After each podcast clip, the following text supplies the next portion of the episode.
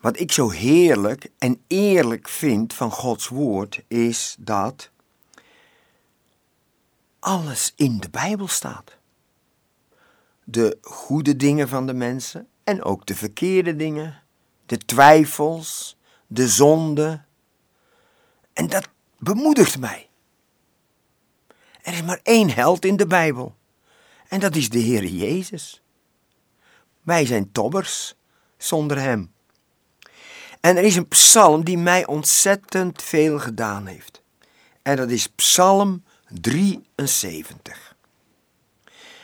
Als je deze les echt tot vrucht wil laten komen in je leven, dan vraag ik van je of je die vanavond gewoon even leest. Asaf is de schrijver en hij zegt: God is goed. Als je naar Afrika gaat en hoor je altijd God is good all the time, all the time God is good because that's his nature. God is goed. De rijke jongeling kreeg te horen er is er maar één goed en dat is God. Dus dat was zijn overtuiging, God is goed. Maar dan zegt hij in vers 2, wat mij betreft, mijn voeten waren bijna uitgegleden. Mijn schreden waren haast uitgeschoten, want ik was jaloers op de dwazen toen ik de vrede van de goddelozen zag.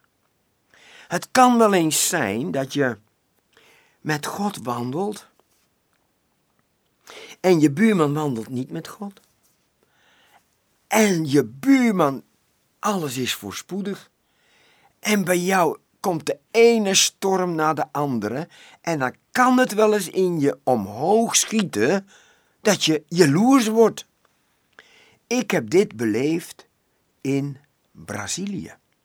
Wij zijn daar geëmigreerd geweest en wij kregen alle plagen van Egypte over ons heen. En dan waren er in die kolonie ook mensen die geloofden helemaal niet in de Bijbel en in de Heer Jezus. En die kregen erfenissen. Het zat hen zo mee. En ik weet nog dat mijn vader daar moeite mee had. Dat er soms wel een klein beetje jaloezie in zijn hart en vraagtekens kwam. Van, hé, hey, heren, ik, ik, ik vertrouw op u, ik wandel met u, ik hou rekening met u. En ik krijg alle stormen over me heen. En hij, hij houdt helemaal geen rekening met u. En hij krijgt de ene zegen en de ene voorspoed en de goede oost na de andere. Dat zijn van die momenten waar je niet precies begrijpt wat er met je gebeurt. Mag ik je bemoedigen? Dat overkomt ons allemaal. Of je gaat in een storm, of je zit in een storm, of je komt net uit een storm. Maar join the club. dat, dat overkomt ons. In het Engels is het wel leuk. Our disappointments are his appointments. Onze teleurstellingen zijn zijn mogelijkheden. Nou, wat ik wel leer van Asaf is, met zijn frustratie en met zijn vraagtekens en met zijn emoties, hij houdt het wel voor zichzelf. Nog even terugdenken aan Jozef. Stel je voor, toen hij hoorde van zijn verloofde dat ze verwachting was van de Heilige Geest, dat hij het met zijn vrienden was gaan delen. Hoe had hij dat ooit recht kunnen trekken? Maar hij hield het voor zichzelf. En dat is belangrijk. Heb je problemen met God? Leef je in twijfel? Ben je jaloers? Mag ik je een goede raad geven? Hou het lekker voor jezelf. Want de oplossing komt. Er is een weg uit. Ik lees het in hoofdstuk 73, Psalm 73, vers 15. Als ik zou zeggen, ik zal ook zo spreken, zie, ik zou ontrouw zijn aan al uw kinderen. Jij, u met je twijfel, met je stormen, met je vraagtekens, hou het alstublieft in je hart. Ga het niet bij de eettafel rondbazuinen. Besmet je kinderen er niet mee. Besmet je vrouw of je man of je familie er niet mee. Ga er mee naar God. Want de oplossing komt. De Heer heeft ons een belofte gegeven. En die belofte luidt: Hij doet alle dingen ten goede medewerken voor degenen die Hem liefhebben. Ik weet nog goed, toen wij terugkwamen uit Brazilië, berooid, ontvingen we opeens een hele boerderij. Voor niets. En uiteindelijk zagen we de goede hand van God. En dat is ook zo gebeurd met Asaf. Want je kunt wel jaloers zijn op de ongelovigen, maar let eens op hun einde. En als gelovige in de Heer Jezus, als gelovige in Gods woord, dan mag je het nu al weten. Het beste komt nog. En eindgoed, al goed. Hoe is het afgelopen met Asaf? Ik vind dat ontzettend bemoedigend. Kijk eens, op een gegeven moment dan gaat hij terug naar God en dan komt hij naar die overtuiging dat God is genoeg. Zeg het eens, God is genoeg. Hij zegt dat zo mooi in vers 25. Wie heb ik behalve u in de hemel? Naast u vind ik nergens vreugde in op de aarde. Bezwijkt mijn lichaam en mijn hart, dan is God de rots van mijn hart en voor eeuwig mijn deel. O, kom toch tot deze nieuwe revolutie. Hem te kennen, de kracht van zijn opstanding, zijn inwoning, zijn hulp, zijn voorbeden, zijn aanwezigheid is genoeg voor mij. En daarom zegt Asaf dan aan het einde ook: Wat mij betreft, het is voor mij goed dicht bij God te zijn. Ik neem mijn toevlucht tot de Heere, Heere, om al uw werken te vertellen. Als God voor ons is, wie zal dan tegen ons zijn? Zit je in de storm? Denk aan Psalm 73. Het is goed dicht bij God te zijn. Ik wil nu een gedeelte nemen uit Evangelie van Marcus, hoofdstuk 4, van 35 tot 41. Ik zal het lezen. Op die dag toen het avond geworden was, zei de Heer Jezus tegen zijn discipelen: Laten we overvaren naar de overkant. Ze lieten de menigte achter en namen hem mee, die al in het schip was mee, en er waren nog andere scheepjes bij hem. En er stak een harde stormwind op, en de golven sloegen over in het schip, zodat het al vol liep. Hij lag in het achterschip te slapen op een hoofdkussen. En zij wekten hem en zeiden tegen hem: Meester, bekommert er u er zich niet om dat wij vergaan?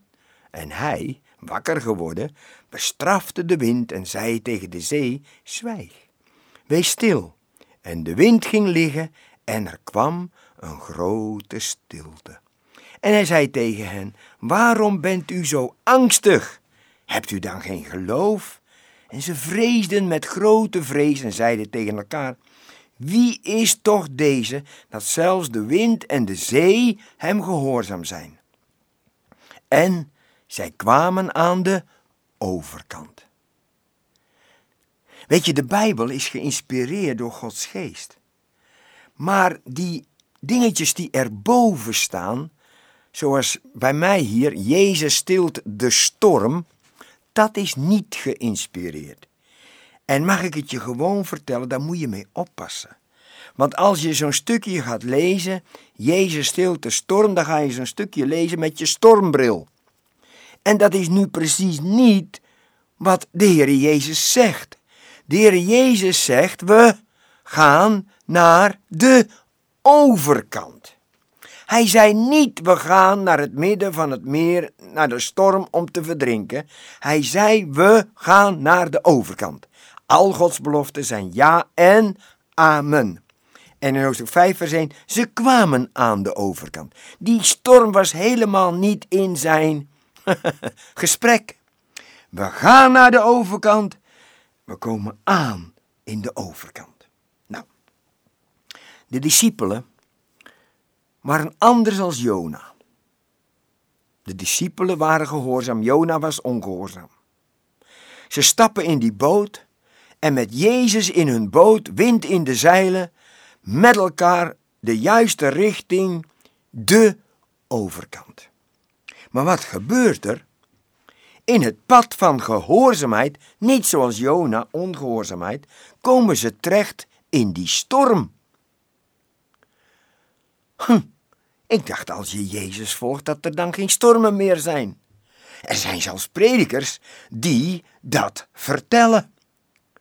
Ik heb acht jaar in de woestijn gewoond. Weet je waarom dat een woestijn is? Omdat het er nooit regent. Als je geen stormen en geen wind en geen regen hebt, dan kom je terecht in de woestijn.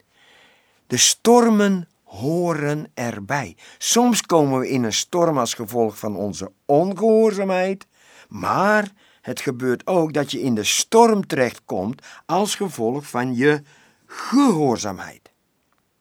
Wat doe je dan? Ga je dan kijken naar de golven, zoals de discipelen? Ik herken dat. Ik heb al verteld dat mijn ouders met een hele groep Hollanders naar Brazilië gingen en het viel allemaal zo tegen. En die hele groep die begon steeds weer met elkaar, als ze bij elkaar komen, over die negatieve dingen te praten. En dat werd steeds groter. En dat zien we hier ook. Ze kijken te lang naar de golven. En die golven worden steeds groter. Ze hadden ook anders kunnen reageren. Allereerst, ze hadden zijn belofte. We gaan naar de overkant. Ze hadden zijn aanwezigheid. Hij was met hun in de boot. En ze hadden ook zijn vrede. Hij lag lekker te slapen, comfortabel, heerlijk, met zijn hoofd op een kussen. Ze hadden lekker naast hem kunnen liggen. Maar ze kijken niet naar hem. Ze zijn zijn woorden vergeten. Ze zijn zijn vrede kwijt. Want ze zijn druk bezig met die golven. En dan doen ze iets heel goeds. Ze roepen. De Bijbel noemt dat bidden. En wat bidden ze? Ze zeggen: Kan het u niet schelen dat wij vergaan? Kijk, dat gebeurt er nou als je constant bezig bent met die golven. Dan gaat Satan iets bewerken in je waardoor je een verkeerd godsbeeld krijgt. Kan u het niet schelen dat wij vergaan? Dat had hij toch helemaal niet gezegd? Hij had toch gezegd: we gaan naar de overkant? Hij was toch bij hen in de boot? Hij lag toch lekker te slapen? Kijk, de storm maakte hem niet wakker, maar wel het gebed van zijn kinderen. Dat is toch bemoedigend? Door de schreeuw van de discipelen werd de Heer Jezus wakker. Hij keert zich naar het probleem. En één woord van de Heer Jezus en de storm gaat liggen. Het is beter met Jezus in de storm dan alleen aan het strand. Want wat gebeurt er na dat reisje? Leren ze iets nieuws van de Heer Jezus. En dat doen stormen. Stormen hebben een effect op je. Ze maken je of bitter, of ze maken je beter. Waarom moest de Heer Jezus na een lange dag naar de overkant? Nou, lees het maar in hoofdstuk 5. Daar was een man gebonden. Satan had deze man onbruikbaar gemaakt. En de maatschappij probeerde wel en deed wel hun best, maar ze konden hem niet bevrijden. Toen kwam de redder, toen kwam de Heer Jezus. En deze gebonden man werd bevrijd, werd vernieuwd, de eerste zendeling aan de overkant van het meer. Ja, iedere storm maakt ons beter. En de Heer Jezus heeft er alles voor over om die ene of die twee te bereiken. Want weet je, hij weet wiens hart volkomen naar hem uitgaat. Geen storm te groot, geen afstand te lang. Heb je een hongerig zoekend hart? Ben je gebonden? Laat de Heer Jezus je nu bevrijden en bruikbaar maken.